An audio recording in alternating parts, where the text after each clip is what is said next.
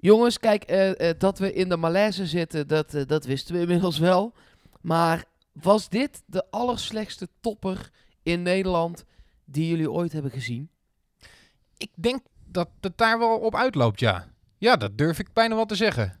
Het was sowieso de minste tweede helft in een topper Zo. die ik in tijden heb gezien. Ja. En de eerste helft van PSV was natuurlijk ook echt dramatisch. Hè? Ajax probeerde nog wel wat. PSV vooral een tegenhouden. Tweede helft.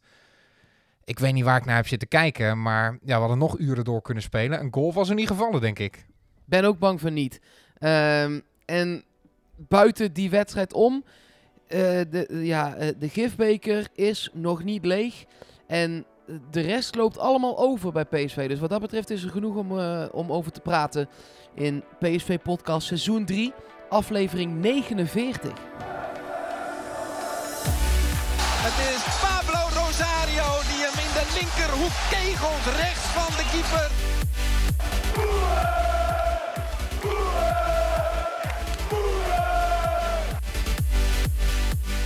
Daar is dat jaren van Lozano dus heel erg goed. 2-0 voor PSV. Luc de Jong komt er binnen uit de voorzet van Brenet.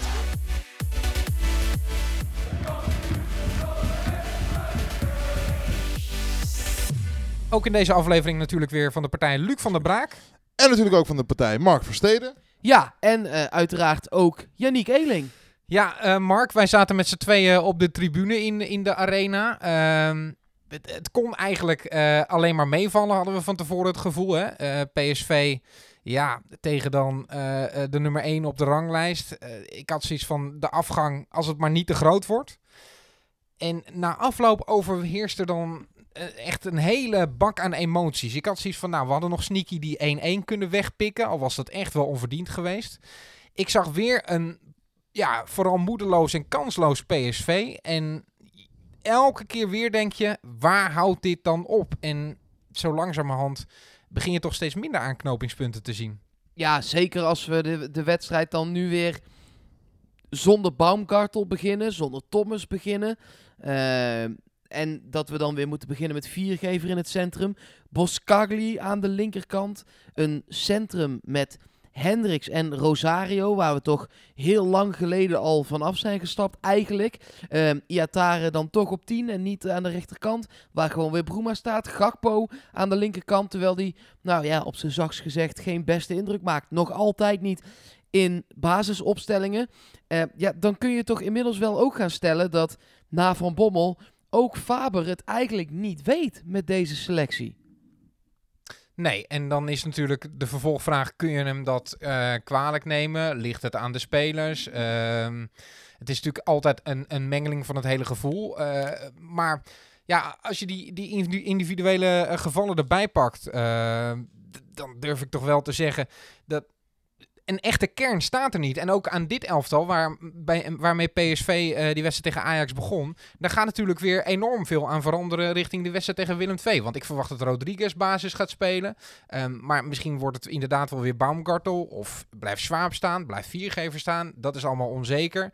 Blijft Rosario staan? Nou, inmiddels lijkt dat elke keer wel een zekerheidje te zijn, terwijl die wedstrijd na wedstrijd niet thuis geeft. Bruma, wanneer wordt die geslachtofferd? Er zijn zoveel vragen rondom de basis van dit PSV. Ja, maar voor wie dan? Ja, en het- Dat is een beetje het probleem ook natuurlijk, eh Yannick en Luc. Eh, eh, voor wie dan? Want dan zet je Baumgartel erin en die gaat gewoon mee in de malaise. Hetzelfde geldt voor Thomas. Hetzelfde geldt voor Doan. Hetzelfde geldt voor... Nou, Manueke die onttrok zich daar de laatste 10 minuten als enige een beetje aan. Maar kun, kun je daar dan op bouwen op 10 minuten van een jongen die... eh, ja, net, net... Ik denk dat hij bij elkaar nog geen half uur in het eerste heeft gespeeld. Het, het is... Het is Oh, het, ik, ik kan er bijna met mijn pet niet meer bij, man. Nou ja, het feit dat zo'n Madueke dan wel enigszins thuis geeft, komt natuurlijk omdat dat een jonge jongen is. Die is onbevangen. Die eh, heeft natuurlijk eh, nou ja, het grootste gedeelte van, de, van dit seizoen niet meegekregen in die groep. Eh, die hoeft niet per se, daar wordt het niet van verwacht. En ik denk dat dat toch eh, ja, een repeterend probleem gaat zijn. Dat soort jongens, die, die hoeven niet, die hebben geen verantwoordelijkheid op hun schouder rusten. En kunnen iets meer frank en vrij voetballen. Maar het gebrek aan een nou ja, zoals we hem omschreven hebben, een routinier of iemand die, die net even wat meer bagage kan dragen. Ja, dat, dat blijf je houden. Ook bij het eventueel brengen van Baumgartel en Rosario. Inderdaad, ehm, dat blijft een lastig verhaal. Maar wie dan? Dat is misschien nog wel een, een lastiger verhaal. Ehm, kijk, Rodriguez heeft natuurlijk wel wat ervaring. Maar die is nu net eh, vier dagen in Eindhoven. Eh, Ja, maar die je- gaat vanaf nu alles spelen, toch? Ja, maar kun- dus kun je daar nu al van verwachten? Nee. Kun je daar over een wedstrijd of 4, 5 misschien niet van verwachten? Ja, Ja, maar misschien dan wel. zit hij bijna halverwege zijn huurperiode. Daarom. En daarbij blijft het een huurling natuurlijk. Die gaat aan het einde van dit seizoen gewoon weer terug. Ehm, dus dat probleem van die, van die routine en van, die, eh, nou, van dat leiderstype, dat blijft natuurlijk wel. Absoluut. De, kijk, ik probeer een beetje de parallel te trekken soms eh, eh, met Feyenoord. Dat eerder dit seizoen natuurlijk ook in een enorme crisis is eh, beland. Daarna is Dick Advocaat gekomen. En Dick Advocaat heeft vanuit die puinhoop in ieder geval gezocht naar stabiliteit. Die is begonnen met het neerzetten van een, een centrum waar hij dan op vertrouwt. En vanuit daar is hij verder gaan bouwen. En ja, voor wat het verder nog waard is dit seizoen. Maar PSV zal toch echt wel moeten knokken voor bijvoorbeeld nog een derde plek. Eh, we gaan zo dadelijk nog verder naar de ranglijst kijken. Maar ja, dan moet je toch proberen om naar structuren te gaan zoeken. En dat lijkt me zo ontzettend moeilijk. Want met wie moet je dat gaan doen?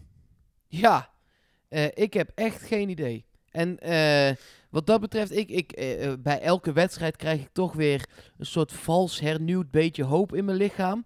Eh, met, oh, misschien dat het in deze opstelling wel lukt. Of misschien dat die speler op die positie wel voor eh, eh, goals gaat zorgen. En elke keer gebeurt het niet. En ik zit nu eigenlijk in de fase, ehm, dat had ik aan het begin van de wedstrijd met Ajax voor het eerst, dat ik dacht, ja, ik heb eigenlijk niet al te veel hoop meer. En, en dat vind En bedoel je dan in die wedstrijd of voor de rest van het seizoen? Voor, nou ja, in die wedstrijd en dus ook in de rest van het seizoen. Ik, ik zou niet weten welke uitwedstrijd PSV nog gaat winnen. Echt niet. Nou ja, op, op korte termijn niet. Want als je even naar het, eh, naar het programmaboekje kijkt. eh, eh, we gaan natuurlijk Willem II thuis krijgen. Maar daarna heb je ADO en Vitesse uit. Dat zijn toch vervelende ploegen altijd om bij te spelen. Dan krijg je Feyenoord thuis en dan Groningen uit. Kortom, het programma op de korte termijn is echt wel pittig voor PSV. Ja, en je- daarbij eh, is het natuurlijk ook zo dat, kijk, Rodriguez is nu gehaald. Dat is iemand waar eh, lang om gevraagd is. Hè? Een goede linksback. Een linksback die er gewoon staat om het zijn van linksback.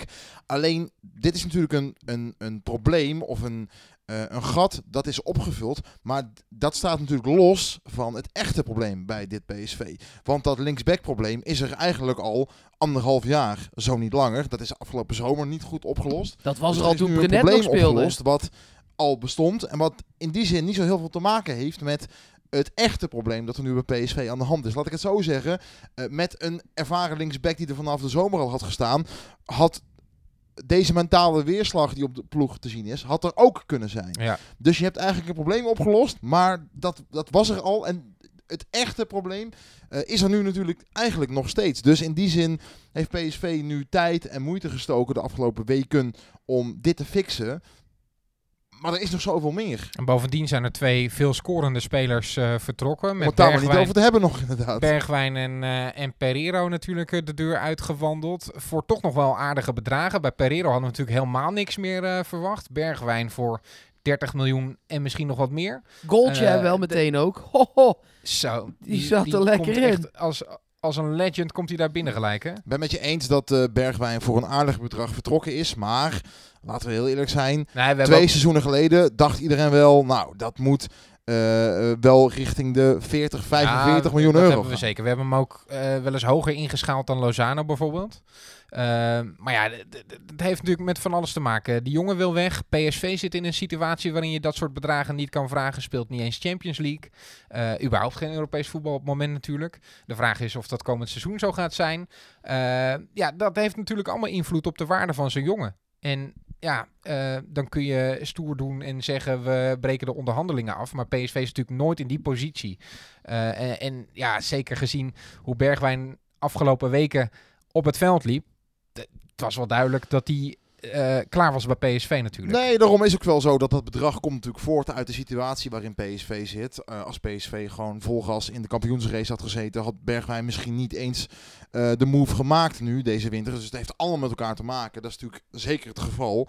Ehm, Maar inderdaad, eh, het punt over bijvoorbeeld een Bruma, die dan min of meer toch een soort opvolging zou moeten zijn, hè, op een van die flanken. Dat is een belangrijk punt om te maken. Nou ja, Madueke gaat nu natuurlijk deze eh, eh, komende wedstrijden gewoon grote kansen krijgen. Die gaat veel spelen, want je moet daar toch mensen hebben. Maar Doan valt bijvoorbeeld natuurlijk ook tegen. Ja. Die is goed gestart, twee, drie wedstrijden, maar die ging ook daarna mee in de algehele malaise.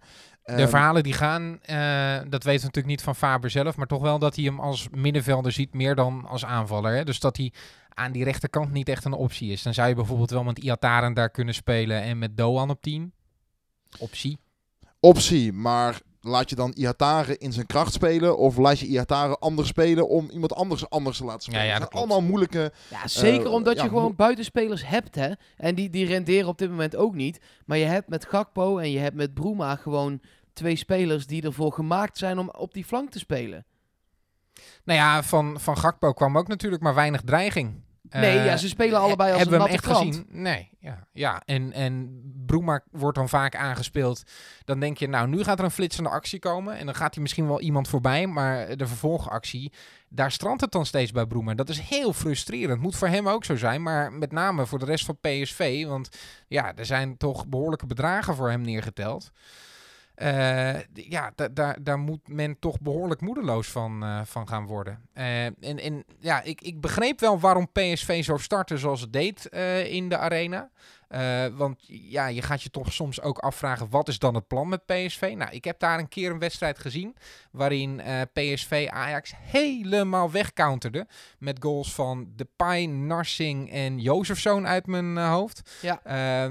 Ja, dat soort eh, eh, wedstrijden kun je er daarbij hebben. Ehm, maar de manier waarop die counters uitgevoerd werden, de besluiteloosheid in eh, het vervolg van de aanval, dat is toch echt heel schrijnend om te zien. Zeker weten. En eh, ik ben het helemaal met je eens, Janiek. Ik, ik snap ook heel goed. Want jij had het net over Dick Advocaat. En dat wat Faber nu bij PSV probeert. Met weer Rosario en Hendricks als blok ervoor. Viergever weer naar het centrum. Nou, dan uiteindelijk Rodriguez erbij. Is om in ieder geval, hè, wat de advocaat bij Feyenoord ook heeft gedaan. Defensief niet meer zo godschuwelijk veel doelpunten tegen te krijgen. Want dan wordt het ook een eh, stuk makkelijker om, als je er aan de andere kant eentje maakt, om gewoon te winnen. Dus Faber probeert nu eigenlijk te doen wat ze bij Feyenoord ook doen. En dat is defensieve zekerheid inbouwen. Alleen ja, eh, eh, dat goede gevoel ontbreekt gewoon. En ik ben benieuwd. Ik bedoel, Yannick, jij had het net over... PSV moet nog uit zijn best gaan doen om plek 3 te halen. En dan zit ik naar de ranglijst te kijken. En eh, de, de, het schema van de komende wedstrijden. En het enige wat ik op dit moment kan denken is... Hoe moet de Potjandori hopen dat we niet over anderhalve wedstrijd zevende staan?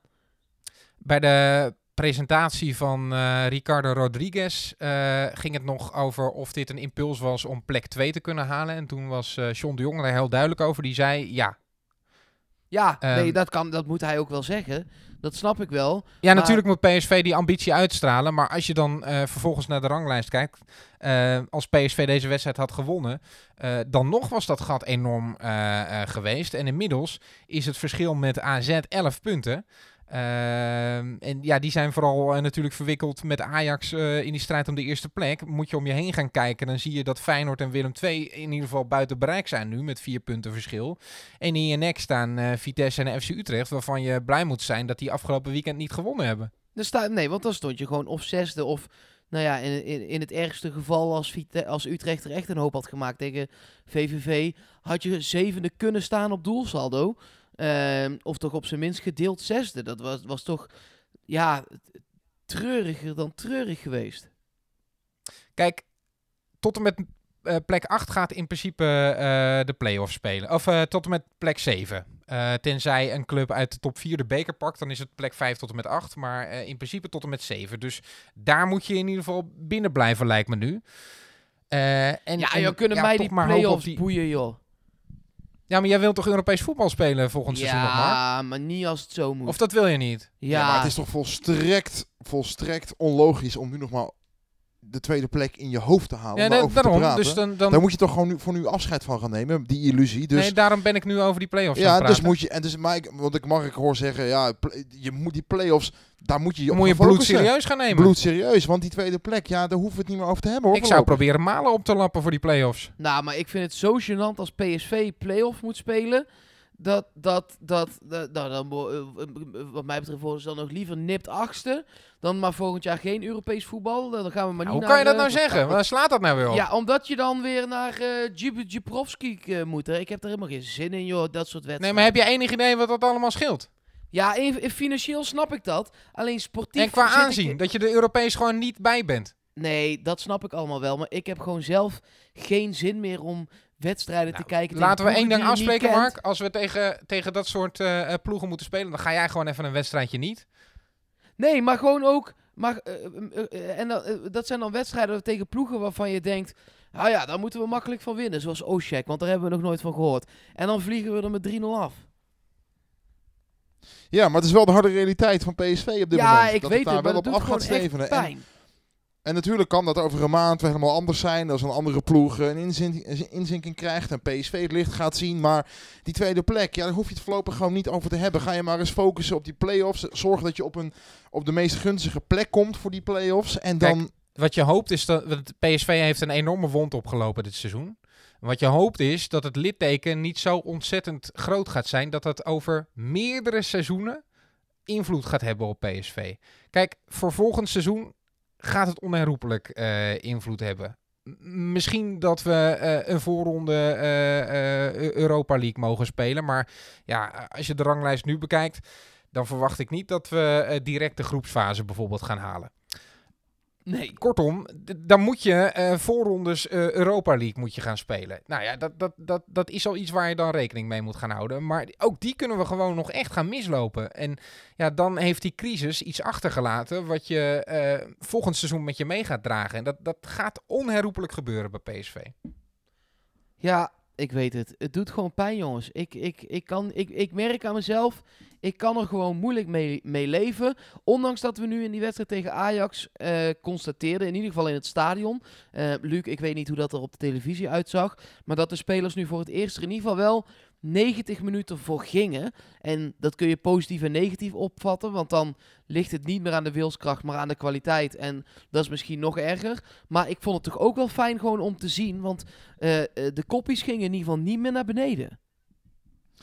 Zeker, maar ik ben wel in alle eerlijkheid heel benieuwd hoe dat tegen Willem II eh, bijvoorbeeld gaat zijn. Want dit was wel eh, het grote Ajax in de arena met 50.000 man. Eh, en dan speel je sowieso altijd een andere wedstrijd. Laat ik het zo zeggen, ik hoop dat PSV die lijn door kan trekken. Ook in mentaal opzicht. Maar ik ben toch wel weer benieuwd. Thuis valt het dan misschien tegen Willem II nog uit. Maar op een gure zaterdagavond Ik ben Eh, daar ook nog niet zeker in van. Den hoor, want- Haag ben ik daar heel benieuwd Nee, naar. maar ook eh, Willem II is natuurlijk nu een ploeg met vertrouwen. Dat vertrouwen was er bij Ajax ook niet. Die kregen nog eh, behoorlijk wat blessures. En daartegen ben je ook nog gewoon kansloos. Dus hoe dat tegen een getergd en fanatiek Willem II gaat zijn. Maar Willem II is toch gewoon de favoriet in die wedstrijd? Zeker. Nou ja, zo onderhand kun je dat wel zeggen, ja. Ja, zeker. Zo dadelijk meer eh, voorbeschouwing op, eh, op die wedstrijd tegen Willem II. Ehm, even wat andere dingen doornemen. Ik zei het net al, hè, eh, die presentatie van Ricardo Rodriguez. Daar zagen we John de Jong zitten. die ook veel vragen kreeg over zichzelf en zijn eigen positie. Hebben jullie, hoe hebben jullie daar naar zitten kijken? Nou ja, je ehm, zag natuurlijk aan de man af wat het met hem deed. Dus in die zin hoefde hij geen vragen te beantwoorden over of hij wakker ligt en of het iets met hem doet. Ehm, dat is natuurlijk wel gewoon een, een, een, een sneu verhaal. eh, maar wel eerlijk dat iemand aangeeft dat hij eh, er oprecht aan, wel eens aan twijfelt. Ehm, en ook, ja, eh, er met de anderen over praat van ben ik wel de geschikte man. Ja. Wat ik een interessantere wetenschap vind is dat ik me heel erg afvraag of John de Jong dit überhaupt wel zo gewild heeft in deze rol ooit. Hij heeft gezegd dat hij ehm, het liever, nou, misschien een soort duo-functie, maar in ieder geval dat de taken wat breder verdeeld zijn dan puur bij één man. Kortom, ehm, hij zou zelf denk ik veel liever zien dat hij alleen maar bezig is met aankoopbeleid. Dat hij niet naar scouting hoeft te kijken, dat hij niet op de hertgang bezig hoeft te zijn. Ehm, ik hoop voor hem heel erg dat PSV misschien in die structuur het komende half jaar ook iets kan gaan veranderen. Waardoor hij ook meer ontlast wordt dan komende zomer. Als dit misschien gewoon te veel is. Kijk, misschien mist John de Jong de John de Jong die Marcel Brands had. Snap je? Dus je had Marcel Brands en die had John de Jong Ja. voor, voor een bepaalde specifieke tak. En misschien dat John de Jong, die nu dan dus Marcel Brands is, zijn, zijn eigen positie mist, zeg maar. Snap Kijk, ik probeer te zeggen? Ja, zeker. Hij heeft in januari heeft hij in VI gezegd, eh John de Jong, een technisch directeur, staat traditioneel overal boven en heeft meerdere focusgebieden. De opleiding, het spelersbeleid, de scouting, sparren met de hoofdtrainer. En wij hebben natuurlijk veel over het, eh, over het spelersbeleid. Hè. Eh, maar goed, John de Jong zegt de complete voetbalorganisatie, daar moet je naar kijken. En ik vind dat we naar een model moeten waarin ik me alleen op het spelersbeleid kan focussen. Daarmee geeft hij wel iets van zijn eigen zwakte toe. Dat hij dat dus blijkbaar niet in zijn eentje kan, maar dat hij het ook voor de organisatie beter zou vinden als dat op een andere manier ingevuld zou zijn.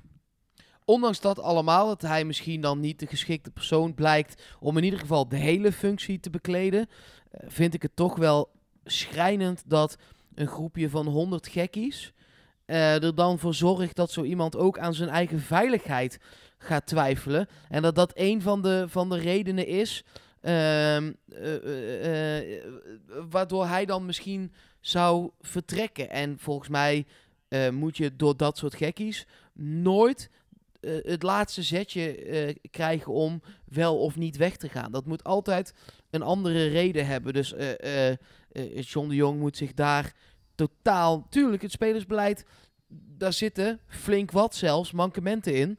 Maar dat mag toch nooit de reden zijn.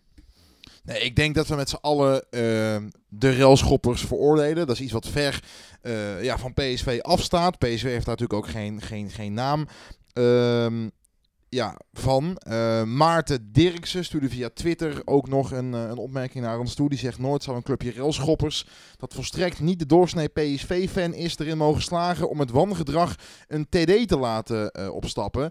Ja, dat is natuurlijk 100% waar. Daar hoeven we geen discussie over te voeren. Maar ik denk dat als. Stel je voor dat dit incident er niet was geweest. Dan had John de Jong daar natuurlijk nog met wallen onder zijn ogen gezeten. Ja. Want dat is gewoon een clubman. Dus het feit dat hij twijfelt en nadenkt. Dat staat denk ik wel een beetje los van het incident.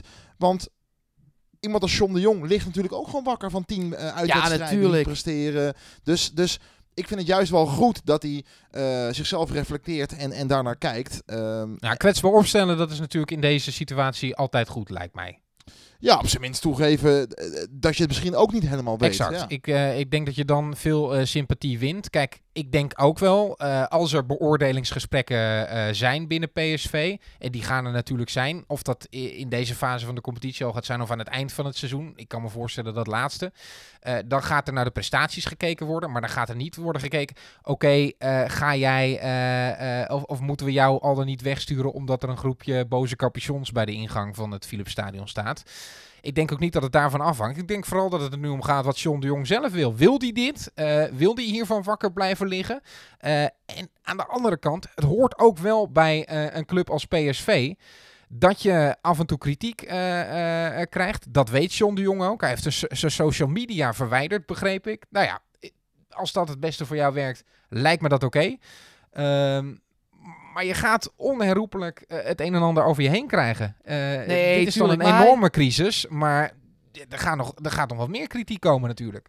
Ja, jij, jij zegt dat die, dat die veiligheid niet een rol speelt, maar hij benoemde het een aantal keer tijdens die persconferentie, waardoor je daar toch aan gaat denken dat het wel zo is. En hij zei, ik laat niet voor de lol mijn huis beveiligen of iets in die trant. Ehm, dat vind ik best wel heftige uitspraak hoor. Nee, natuurlijk is dat heftig. Dat, die conclusie trekken we ook met z'n allen dat dat eh, vervelend is. Maar eh, zijn, zijn, zijn twijfel staat denk ik wel gedeeltelijk daar wel los van. Omdat hij natuurlijk, PSV presteert gewoon niet. Aankopen doen hun ding niet. En dan gaat hij natuurlijk ook bij zichzelf te raden. In hoeverre ben ik daar verantwoordelijk voor? Dat er een hoop ellende met supporters bij komt. En dat het natuurlijk schandalig is dat iemand die in, nou ja, bijna in de entertainmentindustrie werkt, om het zo maar even te zeggen, dat die moet vrezen voor zijn veiligheid. Daar zijn we het allemaal over eens. Dat is natuurlijk absoluut een no-go. Ja. Maar ik denk niet dat John de Jong nou keurig op zijn gemak lekker op zondagmiddag op de bank had gezeten als de Nee, incidenten er niet waren geweest. Dat maar het heeft komt er nog even bovenop. Nee, dat 100%. En dat moet je ook altijd afkeuren. Ik hoop gewoon dat PSV eh, daarna kan, kan blijven kijken. En dat ze misschien gewoon komende zomer misschien in de structuur eh, iets kunnen aanpassen. Waardoor het voor, voor mensen eh, meer behapbaar wordt. Want laten we hopen, Maar eh, na, na de hele affaire met Van Bommel, dat niet ook nog het icoon John de Jong eh, beschadigd wordt. Want Nee. dan wordt het natuurlijk wel, dan wordt het een, een, een vrij groot slachtofferveld. Eens, al is de, is de icoon John de Jong natuurlijk wel van andere orde van grootte. Is wel een clubman die al twintig jaar bij die club zit. Hè? Dat klopt, maar als je het over iconen hebt, dan kun je Nee, ook... natuurlijk. Maar, natuurlijk, het is niet als je eh, in, eh, eh, in Valencia op een strand zit en je zegt eh, John de Jong, dan kijkt niemand je aan. Nee. Maar alle Nee. PSV'ers kennen hem. I- iedereen, weet, iedereen weet wie dat is. Eh, laat PSV daar als, alsjeblieft wel gewoon ook goed mee omgaan. Nee, dat, dat, dat Ja, is nee. ook kenmerkend voor PSV. Maar je moet je ook wel afvragen, eh, als het dan zo'n duo-functie wordt... eh, Dan moet daar geen vriendje bij, denk ik. Nee, en, en, en is John de Jong dan eh, de aangewezen persoon om het gezicht eh, van eh nou ja, transferbeleid van PSV te zijn? Ja, maar misschien moet John de Jong inderdaad gewoon weer de John de Jong van Marcel Brands worden. En moet er een nieuwe Marcel Brands gezocht worden. Nou dat, ja, hij dat heeft, kan toch een hij heeft conclusie zijn? aangegeven dat hij niet in een andere rol eh, binnen de organisatie terug zou keren. Ook in diezelfde persconferentie. Ja, je, je Dat bedoelt ga- op een dat andere gaat Hij zou- hij- wil bijvoorbeeld geen hoofdscouting meer worden. Nee, precies. Oké. Nee, dus Maar het is dan- of dit dan- of niks. Daar komt het eigenlijk op neer. Exact. Nou ja, dan wordt het wel heel beetje- interessant hoe je dat dan gaat invullen. Ik ben ook nog een beetje met mijn hoofd blijven hangen op dat strand waar Luc het net over had. Dat je naast een buitenlander zit, dat je PSV moet uitleggen en dat je dan zegt... Yes, yes, Ronaldo, Romario, John de Jong.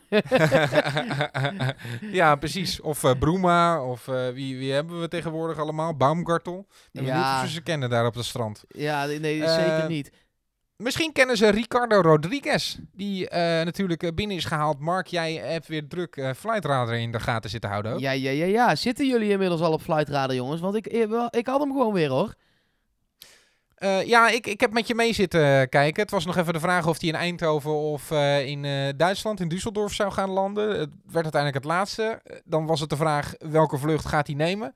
Ehm, uiteindelijk had jij de vlucht wel weer.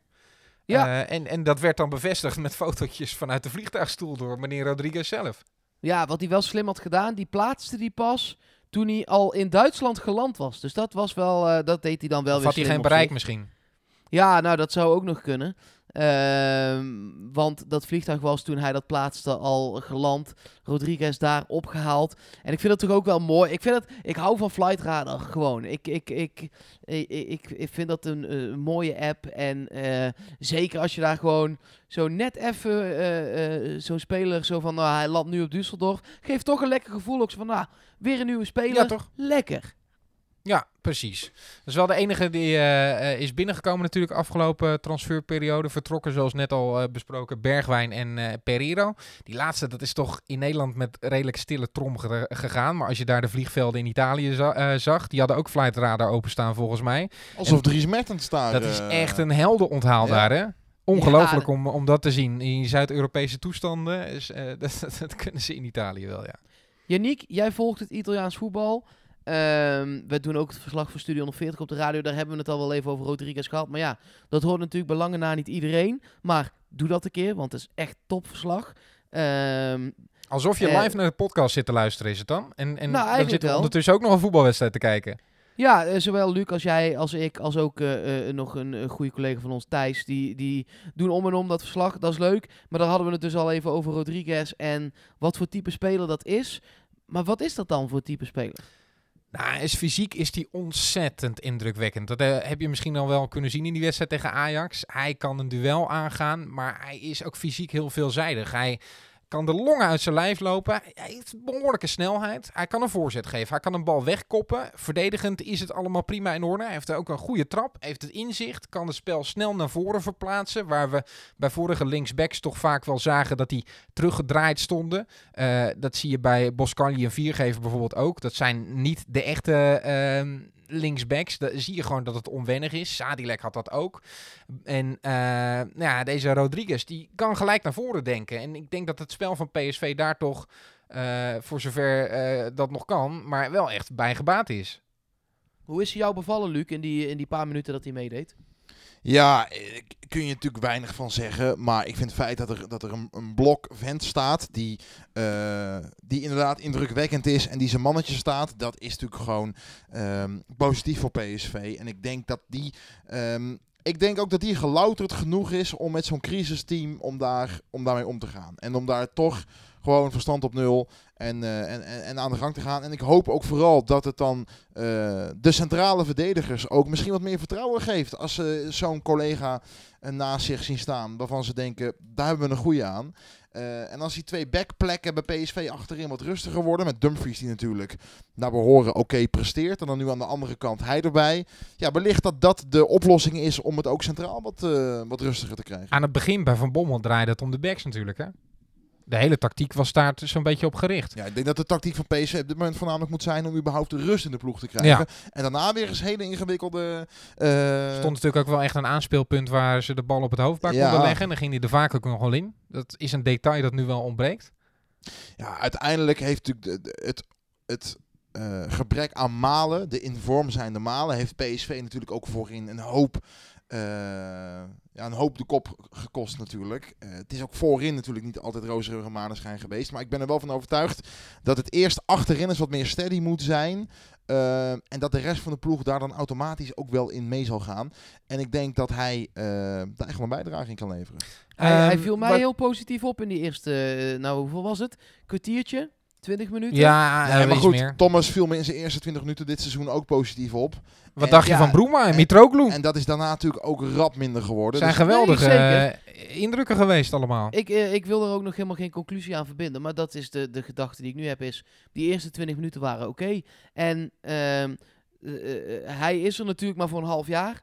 Er is geen optie tot koop bedongen. Wat Ja, dat is wel mij- een interessant gespreksonderwerp natuurlijk. Want dat werd in eerste instantie werd dat gecommuniceerd, ook vanuit Italië, dat er een eh, eh, vaste eh, verplichte optie tot koop was. Dat werd uiteindelijk door PSV tegengesproken. Er is geen optie tot koop.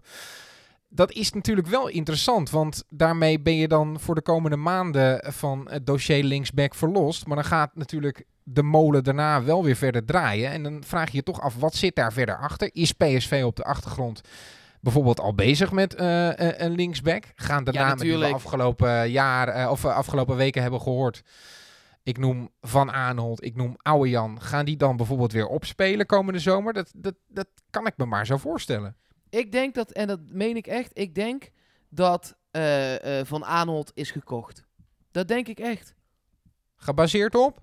Ja, nou, eh, mijn gevoel.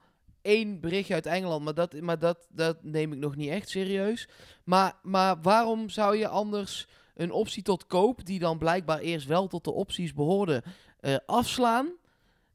als je niet al een betere optie met 100% zekerheid in de pocket hebt. Nou ja, omdat het een verplichte optie tot koop was. En dat risico wilde PSV dan denk ik toch niet, niet lopen. Ja, oké. Nou ja, dat, dat, zou, dat zou kunnen, natuurlijk. Maar ik, ik heb het gevoel dat PSV eh, daar al wel redelijk safe zit voor volgend seizoen eigenlijk. Met Van Aanholt, die wilde heel graag. Nu wilde Crystal Palace hem niet kwijt. En misschien is dat in de zomer wel heel anders. Nou, dat zou zeker, zou zeker kunnen. Ik ben benieuwd. eh, eh, dat gaat dus komende zomer wel in ieder geval weer een dossier worden. Tenzij ze er heel snel van, eh, van verlost gaan zijn. Uiteindelijk Het wel een raar, raar ding geworden hè, met Van Aanholt. Want eh, eh, PSV deed een bot. Toen zei Crystal Palace... eh, dat, dat is ook een van de redenen waarom ik het denk. Eh, PSV deed een bot. Dat was eh, een paar miljoen. Toen zei Crystal Palace... Dat is niet genoeg. Toen deed PSV nog een bot. Hoger. Toen zei Crystal Palace... Dat is nog steeds niet genoeg. Toen deed PSV een bot wat zo dicht tegen de vraagprijs lag dat je denkt, nou, nu kunnen we toch wel gaan onderhandelen, jongens. En toen zei Crystal Palace niet meer, nee, dat is niet genoeg. Toen zeiden ze, je mag hem überhaupt niet kopen. Dat is een beetje een gekke eh, strategie, toch? Ja, ehm, wat daar bijvoorbeeld achter zou kunnen zitten. Klein beetje koffiedik kijken. eh, maar ik kan me dat wel voorstellen. Dat eh, de technische directeur van Palace even ruggenspraak heeft gehad met de trainer. En dat hij zegt, nou, ik heb hem gewoon nodig nog dit seizoen. Zou kunnen, zou kunnen. Maar ja, dat, dat, ga je, je natuurlijk pas doen op het moment dat er een reëel... Nee, dat ga je natuurlijk pas doen op het moment dat er een reëel bod binnenkomt. Oh, ja, ik, ik zou dat doen bij het allereerste bod wat binnenkomt. Vraag je de Ja. trainer, moet ik hier überhaupt op ingaan of eh, heb je Nee, maar als jij, als jij bij elk eh, eh, bod dat binnenkomt en dat totaal niet serieus te nemen is, dat moet gaan doen met een trainer, dan, dan blijf je bezig, denk ik. En daarbij wordt de speler ook interessanter als hij een paar keer eh, in een artikeltje verschijnt natuurlijk. Dus dat kun je altijd Ja. als club wel gewoon hebben als er geschreven wordt ja, over je ik speler. denk dat ze daar wel blij mee zijn. Maar goed, eh, eh, Van Aanholt nog steeds in de picture, denk ik, bij PSV. Dan, Ja. het woord trainer is in de afgelopen paar minuten een paar keer gevallen. Dat is toch ook wel een belangrijk onderwerp, trainer. Daar gaat het in de meeste media nu rondom PSV over. Maar hè? dan wel die in Eindhoven, want eh, die moet natuurlijk ook gewoon gezocht worden. Want los van de linksback die dan vertrekt aankomende zomer, of in ieder geval weer teruggaat naar eh, een andere plek, gaat eh, Faber dat natuurlijk ook doen. Ehm, die gaat gewoon weer terug naar zijn plekje bij de jeugdopleiding. Dat betekent dat er achter de PSV-trainer eh, functie weer vakant komt te staan. En die wordt dan spoedig daarna ingevuld. Want er wordt op dit moment, zo gaan de geruchten, gesproken met een potentiële opvolger. En daar zoomt dan ook weer van alles rondom rond. Ja, ehm, het ED meldt in ieder geval eh, dat PSV met een nieuwe trainer in gesprek is. Welke fase eh, dat is, daar hebben we natuurlijk geen weet van. Ehm, er worden natuurlijk weer allemaal namen eh, genoemd. Ik weet niet of jullie toevallig iets opgevangen hebben al. Ja, Van Gaal zag ik voorbij komen. Moeten we dat, Ja. moeten we dat heel hebben we al serieus eerder nemen? besproken, hè? Hij heeft eh, gezegd dat zijn pensioen eh, hem wel lekker bevalt. Ik ben heel benieuwd of Gerbrands iemand zou kunnen zijn die hem kan overhalen. En eh, nou ja, de eerste vraag die PSV zichzelf zou moeten stellen is Van Gaal degene die bij PSV past? Ik denk dat dat antwoord een beetje tweeledig is. Ja, in de zin van de jonge, jonge jongens die kunnen uitstekend een type van Gaal gebruiken. Maar voor mijn gevoel botst het toch behoorlijk met de clubcultuur van PSV. Ja, dat denk, ik ook. ook. Ik denk ook dat dat zo is. Alleen, we zien nu wel dat eh, de afgelopen anderhalf tot twee jaar er alleen maar cultuurmensen aan het roer hebben gestaan bij PSV op allerlei plekken. Van Bommel, eh, De Jong. Dat ja, maar we hebben ook wel geconcludeerd de afgelopen weken dat de clubcultuur een beetje aan het verdwijnen is juist. Ja, dat klopt. Alleen, eh, de vraag is... eh, is het dan niet goed voor PSV om eens even 1, 2 seizoenen de rigoureuze hand erbij te hebben? Eh, Even die- flink de bezem op je strepen staan. Dus we gaan eens even kijken. Hartstikke leuk, die clubcultuur. Maar hoe lopen hier nou precies de hazen? Wat zijn de lijnen? Hoe zijn dingen gestructureerd? Hoe, ja, hoeveel discipline heeft de spelersgroep? Als er iemand dat kan, is het wel natuurlijk het type van Gaal. Ja, of ik, van zou Bommel. het, ik, zou het niet, ik zou het niet eens zo heel vreemd vinden als PSV nu een trainer aantrekt die gewoon eens misschien wat, wat, wat harder en wat kouder en wat killer is. Maar die wel ehm, gewoon eens even iedereen op zijn plek zet. Ehm, en misschien het euvel kan duiden. Wat er toch wel is natuurlijk binnen, binnen PSV. Op dit. Over Van Gaal wordt trouwens ook altijd wel gezegd eh, dat hij naar buiten toe misschien wat koud en kil kan overkomen. Maar naar binnen echt wel een hele warme persoonlijkheid is. Zeker met, eh, met jonge jongens. Dus ja. Heb jij nog een naam eh, toevallig, eh, Mark? Ja, nee, zeker. En dat stond in het Oh. draaiboek, dus dat wist je. ja, maar jij had daar iets ingevuld. Hardnekkig gerucht. Ik ben er wel benieuwd naar. Ja, dat is een, een naam en ik zeg er meteen bij, ik kan het zelf eigenlijk niet geloven. Ik, ik, oh, ik dacht niet uitspreken. zelf- nou, jawel, dat ook. Dat vind ik ook lastig. Dat kun jij dadelijk misschien beter doen. Eh, maar het is een naam die inmiddels drie keer eh, in, de, in de WhatsApp-box is gekomen eh, eh, via allerlei wegen. Eh, Bert van Marwijk. Nee. Nou, dat kun je nog wel uitspreken, dat- denk ik. Dat zou gek zijn, ja. Ja, dat zou me ook wel verbazen. dit gaat me ook wel lukken. Maar eh, het zou gaan om... eh, en hij werd ook al even genoemd bij Feyenoord zelfs. Giampiero Gasperini. Dat blijft Ja. lang stil. Ja, eh, dat Het- zou mij ten zeerste verbazen. Mij ook, maar ik wil het maar besproken hebben... zodat we, als het dan toch gebeurt, kunnen zeggen... Haha. Heb jij Eh, enig idee wat hij op dit moment aan het doen is, Mark? Ja, hij is op dit moment Champions League aan het halen met Atalanta Bergamo. Eh, En die zou dan niet- even naar Eindhoven komen.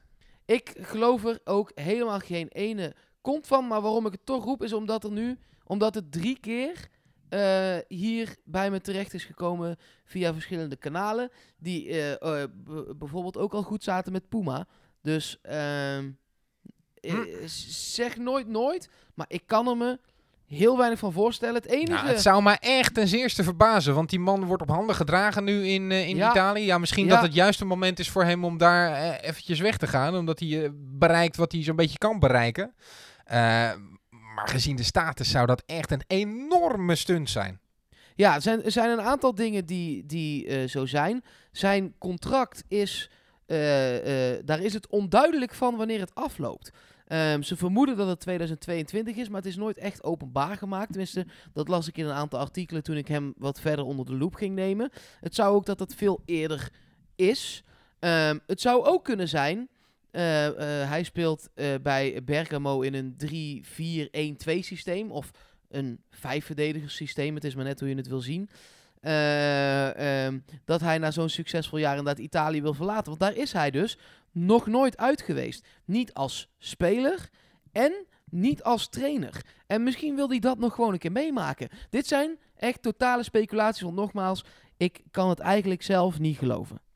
Nou, dan kom je natuurlijk lekker naar een ploeg waar je de boel helemaal kan opbouwen. En waar je niet zeker weet of je Europees voetbal eh, speelt. Toch? Nee, nou ja, misschien vindt hij dat een uitdaging. Ja, ik, eh, Yannick, ik sta helemaal in jouw kamp. Nee, weet, je, weet je wat, ik, wat ik wel denk over eh, een trainer en het instapmoment op nu? Kijk, de puinhopen zijn enorm, maar het afbreukrisico voor een nieuwe trainer is natuurlijk ook niet zo heel groot. Je kunt nu instappen, denk ik. Eh, dat is na Van Bommel toch wat lastiger geweest. Want ja, eh, voor Faber is er nu weinig eer aan te behalen. Maar ik denk dat er voor een nieuwe trainer heel veel eer aan te behalen is. Je gaat het eh, gegarandeerd beter doen dan afgelopen seizoen, dan lopend seizoen. Ehm, dus ja, ik, ik denk dat er in ieder geval veel te winnen is voor een nieuwe trainer. Ja, dat denk ik ook. Laten we deze naam dan ook wel gewoon redelijk snel achter ons laten. Want, nou ja, wat ik, ja, ik weet niet hoe jij erover denkt, Luc. Eh, nee, ik ga met jullie mee. Eh, dat ik het onwaarschijnlijk vind. eh, maar dat ik het ook wel interessant zou vinden om weer eens een, buitenlandse trainer bij PSV te zien. Waarom niet? Waarom zou je daar niet naar kijken? Maar misschien iemand die wel iets dichter bij de Nederlandse cultuur staat. zou dan, dan zou ik misschien eerder aan een Duitse trainer bijvoorbeeld denken. Of een Belgische Roger. Smit wordt bijvoorbeeld genoemd. Nou, zo-. Zo'n type inderdaad, die, die wel een, een andere cultuur van zichzelf uit mee heeft, maar die wel snapt hoe het in Nederland werkt en hoe de, hoe de lijntjes hier lopen. Eh ben heel interessant. Ik zou het eh, wel toejuichen als PSV kiest voor een, eh, een opvallende move deze zomer. Wat rondom de trainerscarousel ook nog wel interessant is om te melden, is dat diverse media, dat hebben we nog niet bevestigd gekregen, toch wel melden dat de nieuwe trainer ook wel eventueel zou kunnen afhaken op het moment dat dan wel John de Jong, dan wel Toon Gerbrands bij PSV zou vertrekken. Ehm, vanuit welke hoek die informatie komt, eh, eh, dat weten we niet. PSV bevestigt dat in ieder geval nog niet. Eh, maar dat kan natuurlijk wel gaan meespelen. Kijk, De Jong en Gerbrands gaan natuurlijk nu dat traject in met een nieuwe trainer. Maar als een van de twee daarna zegt, eh joh, de groeten, dan hang je als trainer. Doet mij wel vermoeden dat we het hier dan wel over een Nederlandse trainer hebben. Die eh, wellicht dichterbij staat dan, eh, dan we denken. Want ehm, een Spaanse trainer of een, of een Italiaanse trainer, daarvan vraag ik me af of die eh, de eis zo hard zou stellen. Snap je? Want die heeft natuurlijk in die zin geen relatie met die twee mensen. Ehm, dus ik denk, dan, ik denk dat je dan toch wel aan een Nederlandse trainer moet nou, denken. volgens mij heeft die Roger Smit echt wel hele goede banden met eh, Nederlandse trainers. En eh, is die regelmatig ook voor een lezingje bij de KNVB. Die zal daar toch ook wel opvangen dat Toon Gerbrands toch wel geroemd wordt om de manier waarop hij clubs leidt. Dus ik kan me voorstellen dat hij dat wel als voorwaarde zou kunnen stellen. Oké, interessant. Ja, Ja, het, is in ieder geval iets, iets om rekening mee, eh, mee te houden. Eh, nogmaals, of dat hele verhaal klopt, we hebben er geen idee van. Maar om over na te denken, eh, vind, vind ik zeker interessant. Eh, mocht je informatie hebben over een nieuwe trainer, laat het ons vooral weten via eh, Ja. Instagram, Twitter, eh, weet ik veel welke kanalen. Het mag via de WhatsApp van Mark. Het mag ook als je een vliegtuig vanuit Duitsland of vanuit Italië deze kant op ziet komen. We zijn heel benieuwd. Ik, ik denk dat het hetgene is waar we nu het meeste benieuwd naar zijn. eh, Behalve wanneer die gifbeker een keertje leeg is. Zullen we eens wat, eh, wat vragen doornemen die, eh, die zijn binnengekomen? Want die kwamen in, in immens grote getalen. Dat is ook niet gek natuurlijk in de positie waarin PSV eh, zit. Ehm, Patrick van Weert bijvoorbeeld, ehm, die zegt... De huidige aanval en het middenveld maken in een gemiddeld seizoen 30 tot 35 goals. Hoe moet dit nu verder? Ja, er moeten komende zomer aanvallers bij. Dat is wel duidelijk. Scorend vermogen, daar eh, moet PSV echt naar gaan kijken. Eh, voor nu eh, ging John de Jong ervan uit dat hij met Sam Lammers in ieder geval het seizoen verder af zou kunnen maken. Donjan Malen komt natuurlijk terug. Die gaat voor goals zorgen. Daarvoor gaan we er niet vanuit dat hij komende zomer gaat vertrekken. Maar ook van de buitenspelers wordt echt wel meer verwacht. En, en ja, je hoopt toch dat Cody Gakpo een ontwikkeling doormaakt komende maanden. Eh Bruma zich op de een of andere manier gaat herpakken. Dat Iataren meer scorend vermogen gaat laten zien. Misschien Madueke, maar er moet echt scorend vermogen in de selectie bij. Dat, dat is, ontzettend duidelijk. En dat weet John de Jong echt wel hoor. Ja, tuurlijk. Denken jullie dat eh, Vincent Jansen na één seizoen Mexico al wel weer welletjes vindt daar? Of, eh, want die gaat echt als een, als een trein. Nee, ik denk dat eh, Vincent Janssen daar momenteel op een troon zit. Op handen gedragen wordt ook. Ik denk ook niet dat hij te betalen is qua salaris Dat voor PSV. Nee, dat denk ik eigenlijk ook niet. Nou ja, eh, eh, over die aanvallers zijn meer vragen binnengekomen. Thijs Jansen vraagt bijvoorbeeld waarom is er geen aanvaller bijgekomen afgelopen winter? Of vinden jullie de uitleg van de Jong volkomen logisch? Eh, bijvoorbeeld Locadia halfjaartje huren was toch prima geweest als noodverband? Locadia die overigens naar Ron Jans gaat, Cincinnati. Ja, maar ik blijf toch zeggen dat ik snap dat PSV nu eh, is gegaan voor het lijnen van de linksbackplek. Omdat je uiteindelijk wel gewoon nog Bruma hebt. Je hebt Sam Lammers, je hebt Gakpo, je hebt Doan, je hebt Madueke. En we kunnen met z'n allen wel roepen, ja, Bruma presteert niet, zet maar op de bank. Maar dan spoel je gewoon 13 miljoen door, door je putje. Ik snap dat PSV denkt, we gaan eerst maar eens gewoon kijken of we die jongens aan de gang kunnen krijgen. En we, we investeren nu, of we, eh, we investeren onze tijd op zijn minst in het aantrekken van een plek waar het echt nodig is, namelijk de linksbackplek. Het is natuurlijk niet zo dat PSV eh, één of twee aanvallers nu in de selectie heeft en dat het allemaal voorin aangevuld moet worden met middenvelders. En eh, PSV heeft natuurlijk een enorm rijtje aanvallers er nog steeds te zitten.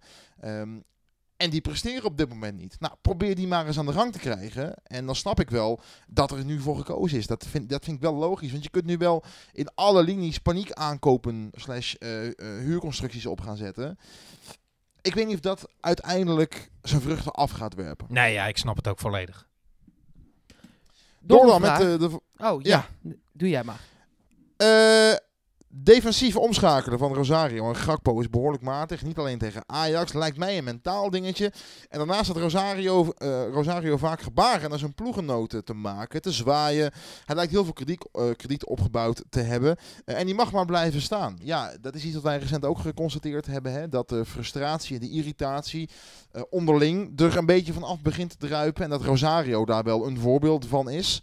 Ehm, en dat die, wat mij betreft, zeker niet eh, het moment heeft om zich dat te kunnen permitteren. Er gaan Ik- toch ook wel verhalen over. eh, en ook dit is dus niet bevestigd, voor de duidelijkheid.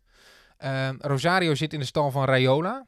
Die wij nog niet hebben genoemd in deze podcast. Maar die zeker ook op dit moment een rol speelt rondom PSV. Ehm, zou het een soort wisselgeld kunnen zijn? Voor eh, bijvoorbeeld het laten tekenen van Iataren. Of het eh, vriendelijk houden van andere Rayola-spelers. Ja, dat Rosario in de basis echt- staat? Dat kan ik me niet voorstellen in een professionele Nee, ik word vaak naïef genoemd, maar Ik kan me dit niet voorstellen. Absoluut Ja, niet. dit, Nee. dit heeft PSV al één keer eerder gehad met Lemic. En dat, dat gaat twee jaar goed, Janiek. En daarna stort de hele bende in elkaar. Omdat, Nou ja, dat kan toch gebeuren? ja, maar dan, dan ga je in tien jaar tijd twee keer in dezelfde val lopen. Ja, ik, ik hoop ook dat PSV daarvoor oppast. Dat dat Ja. duidelijk is in ieder geval. Ja, dat hoop ik echt. En eh, eh, Rayola, eh, ik wil zo ook nog wel iets over Rosario zeggen, maar Rayola wil nu eh, nog wel meer spelers ook die bij PSV voetballen eh, in zijn stal hebben natuurlijk. Ik bedoel, Rosario, Iatare dan komt daar waarschijnlijk bij. En Dumfries, die kans is ook aanwezig, lezen we overal. Dus hij is wat dat betreft zijn, zijn rijk wel aan het uitbouwen in Eindhoven. Ik ben heel benieuwd hoe dat zich verder gaat ontwikkelen. Ehm, en over Rosario, ik heb er echt, Yannick, over zitten denken. Wij zaten in het stadion en je ziet inderdaad gewoon bij aanvallen van eh, Ajax, counters, dat Rosario, en hij is zeker niet de enige hoor, want Gakpo inderdaad ook, en andere spelers doen het soms, maar zij wel echt het vaakst, om gewoon een bandje te maken met elke keer dat hij aan het terugschokken is. Eh, Ja, maar ik ben nou, bang en- dat dat bandje dan gewoon 20 minuten lang wordt. Ja, en dan zou je ook nog een bandje kunnen maken van eh, eh, het zoeken van de voetballende oplossing. Waar we Rosario, eh, laten we dat niet vergeten, om geroemd hebben. In zijn eerste fase bij PSV speelde natuurlijk super onbevangen. Elke bal van Rosario ging werkelijk vooruit. En wat is dat een dag en nacht verschil met hoe die nu op het veld staat. Als er een counter wordt geplaatst, de bal komt halverwege de helft van, eh, van Ajax bij Rosario. Die hem gewoon in één keer moet doorgeven aan Gakpo of aan Lammers of aan Bruma. Dan gebeurt dat gewoon niet. Het is zo bijzonder hoe dat verval is. En Nou ja, inmiddels is het wel eh, opvallend dat hij inderdaad maar blijft staan. Terwijl je eh, een Thomas, die in voetballend opzicht eh, misschien ook geen eh Pierlo is, maar eh, die, die in ieder geval iets betrouwbaarder is, dat die dan niet speelt. Dat, dat vind ik bijzonder, ja. Ja, ik ook. Nog, eh, nog één vraag. Deze was trouwens van fast underscore p. Ik weet niet zeker of we dat hadden gezegd, en anders nu twee keer. Ehm, vraag van Maarten Jan van Nune. Ehm, blijkt uit het scoren van Bergwijn voor Tottenham in de eerste wedstrijd die hij daar speelt. Het gelijk van Waterreus dat Van Bommel nog steeds spelers beïnvloedt. Dat vind nou, ik wel ik ben heel benieuwd ver hoe Van gaan. Bommel dan, eh, dan de Bergwijn bij Tottenham heeft beïnvloed dat hij die goal maakt. Dat ja, snap ik precies. niet helemaal. Ik, ik denk dat je eerder wel kunt zeggen dat het blijkbaar toch een soort bevrijding is om, voor, eh, om weg te zijn bij PSV. Maar goed, of zelfs dat weet ik niet of je dat kunt zeggen na één doelpunt eh, bij je debuut. Want we hebben natuurlijk nooit getwijfeld aan dat Bergwijn ineens geen goede voetballer meer was. Alleen het kwam er bij PSV gewoon niet meer uit. Nee, en nu komt het er in de eerste fase bij Tottenham uit. Moeten we natuurlijk ook zien of dat inderdaad eh, eh, blijft. Het is voor hem lekker. Hij eh, kan nu onbevangen verder. Al zal de druk natuurlijk inmiddels ook wel aanzwellen. Want mensen verwachten nu iets van... Hij wordt zelfs Stevie Wonder genoemd, geloof ik. Nou ja, misschien kan hij verder als, als een blinde gaan spelen. En dan sluiten ze hem nog in, in hun harten daar in Noord-Londen. Het, is, het is voor hem natuurlijk waanzinnig. maar het, het, het bewijst verder helemaal niks. Behalve dan dat het een geweldige voetballer is. En dat PSV daar, als hij gemotiveerd was geweest, nog echt wel iets aan had gehad. Maar dat het nu voor iedereen beter is gelopen zo. Ja, dan eh, maar even vooruitblikken op eh, komend weekend. Er zat er namelijk ook gewoon weer een eh, wedstrijd op het programma. We hebben het net al even aangehaald. De topper. Zo mag je het toch wel stellen. De topper in Eindhoven. Ja, ik weet inmiddels niet meer wat een topper is. Want afgelopen weekend had ik het toch graag een topper willen noemen. Dat was niet zo. Nu dan? Subtoppertje? Toch? Nou Eh, ja, op papier is ja. dit ook gewoon een topper, toch? Eh, eh, is ja, PSV Eh, zegt- eh, eh, eh, het gaat om de vierde plek, jongens. Ja. Ja, en toch is Toch? dit voor PSV denk ik een hele belangrijke wedstrijd thuis tegen Willem II. is, eh, het is waanzinnig belangrijk. Maar eh, ja, bij toppers denk je toch aan, aan de hoogste regionen in een, eh, in een klassement. En daar zitten beide ploegen natuurlijk niet bij. Eh, op termijn zou het om een podiumplek kunnen gaan van de Eredivisie. Maar ja, Willem II doet het waanzinnig. En afgelopen weekend, ik dacht, ja, die, die gaan natuurlijk ook een keer eh, het deksel op hun neus krijgen. Maar dat blijft maar uit. Het is eh, het omgekeerde PSV. Want bij ons is de gifbeker, kan niet diep genoeg zijn. En bij Willem II kunnen de Gouden Bergen niet hoog genoeg zijn. Dat is zo'n ongelooflijk verschil. Ja, klopt. Toch spreken, als we de cijfers gaan bekijken qua wedstrijd PSV tegen Willem II, natuurlijk nog wel in het voordeel van PSV. 144 keer werd het duel gespeeld tegen de Tilburgers. Eh, zowel uit als thuis hebben we het dan over. Daarvan won PSV ruim de helft, 89. Er gingen er 30 verloren en 25 duels eindigden in een gelijkspel. Als je gaat kijken naar de wedstrijden die PSV thuis heeft afgelegd, zijn dat er 71 en daar won PSV er 52 van. Thuis ruiterlijk succesvoller dan uit in Tilburg. De grootste overwinning van PSV is uit 88-89. Het was sowieso een aardige periode voor PSV. lekker, lekker eh, ja, ja. Ja, eh 7-0 werd het toen. Eh, en we moeten wel heel ver in de geschiedenis en de bekertjes er weer bij pakken om in 1924 uit te komen. Toen verloor PSV met 2-5 de grootste thuisnederlaag tegen Willem II. Maar goed, toen waren natuurlijk de verhoudingen nog helemaal anders. ja, wat voor conclusies kunnen we aan welke uitslag dan ook verbinden na Willem II? Ehm, Stel, stel, dat we, geen- de- stel nou dat we, dat we verliezen van Willem II. Wat kunnen we dan zeggen? En stel nou dat we winnen van Willem II. Ik heb het idee Eh, dat, dat, dat, dat we helemaal niks weten na zo'n wedstrijd. Nee joh, het maakt, het maakt, en dat, het maakt allemaal niet zoveel meer, meer uit. Als in, je, je, eh, je verwacht niet eens dat PSV deze wedstrijd gaat. Tenminste, ik niet. Ik heb niet de illusie dat ik nu denk... Nou, ik heb het een paar keer wel gezegd, hè. Nu komt de ommekeer. Ja, ik ga het nu gewoon maar eens niet zeggen. Wil je nog iets van een voorspelling doen? Want dat hebben we tegen Ajax natuurlijk niet gedaan. Ja, god, vorig jaar werd PSV Willem II 6-1. Het jaar daarvoor Daar durf jij wel aan 4-0. nu, hè? Daar durf jij wel aan. Zes goals. jaar daarvoor 5-0. Dus er wordt in het Philips Stadion in ieder geval altijd veel gescoord door PSV de afgelopen jaren. Dus eh, dan zeg ik 5-4 voor PSV. dat zou wat zijn. Dat zou wat zijn. Knotsgekke wedstrijd. Luc, wat denk jij? 0-2. Voor Willem 2. O jee. Ja, ik ben daar Nou, ook meer bang is, voor eh, hoor. Ja, dat, dat, dat zou eh, wat zijn. Ik eh, denk dat PSV hem nu een keer over de streep gaat trekken. Echt zwaar, zwaar bevochten. Eh 2-1 voor PSV. Zeg ik ook een beetje optimistisch, moet ik heel eerlijk zeggen. Ja, nou, ik duim echt van harte met jou mee, Yannick. Want dat voor mij is natuurlijk gekscherend. Ik denk ook eerder dat, dat, we er- dat het een 1-1'tje wordt met veel pijn en moeite. Maar ik duim echt van harte mee dat het 2-1 voor PSV wordt. Echt. We hebben afgelopen podcast hebben we nog een soort lofrede gehouden eh, waarom je PSV moet, eh, moet blijven steunen. Eh, wij vinden natuurlijk altijd dat je PSV moet, moet blijven steunen. Eh, kunnen we nog iets van een soort positieve afsluiting hebben? Een lichtpuntje, iets, iets waar we zin in hebben rondom PSV? Je moet PSV altijd blijven steunen. Dat, Ja, dat, daarom. dat is Dat zeg natuurlijk zo. Dus ja, dat was het, punt. Het wordt vanzelf zomer. Zo is het ook. Dan kunnen we op dat eh, strand in Spanje kunnen we gaan liggen. Dan Precies. kunnen we daaruit gaan leggen wie John de Jong is Exact. en wie onze nieuwe trainer is. Misschien moeten we Ramon Zomer halen, dan is het alvast zomer. ja, speelt hij eigenlijk nog? Nee toch? Dat is al heel, heel lang geleden. Ja, dat, is wel echt lang geleden. Maar ik ga toch gewoon voor, voor, voor mijn eigen plezier heel even opzoeken of die, of die jongen nog op het voetbalveld staat. Nee, einde carrière staat er, 36 jaar. Ja, dat eh, zat er ook eh, dik in. Nou ja, dan moet PSV zich toch op andere namen gaan richten. Als eerste de naam van een eh, nieuwe trainer. Dat wordt natuurlijk interessant. Overigens ook nog wel interessant om te melden is dat de verjaardag van Mohamed Iataren aanstaande is. Waar we het ook al meerdere keren over hebben gehad. Ehm 12 februari is die verjaardag van Mo Iataren. Dat is volgende week woensdag. Eh, daar gaat ook een hoop van afhangen, want dan wordt hij 18 en dan kan hij gaan tekenen bij PSV. Wij eh, hebben dat meerdere malen als heet hangijzer genoemd, maar of dat gaat gebeuren, dat gaat toch ook zeer snel duidelijk worden. Ik ben benieuwd wat er eerder is, een nieuwe trainer of een nieuw contract voor Mohamed Iatare. Ik ben bang eh, dat het bij allebei nog wel eens een hele bittere pil kan gaan worden. Ik ook. Maar nogmaals, het wordt vanzelf zo. Zo is het.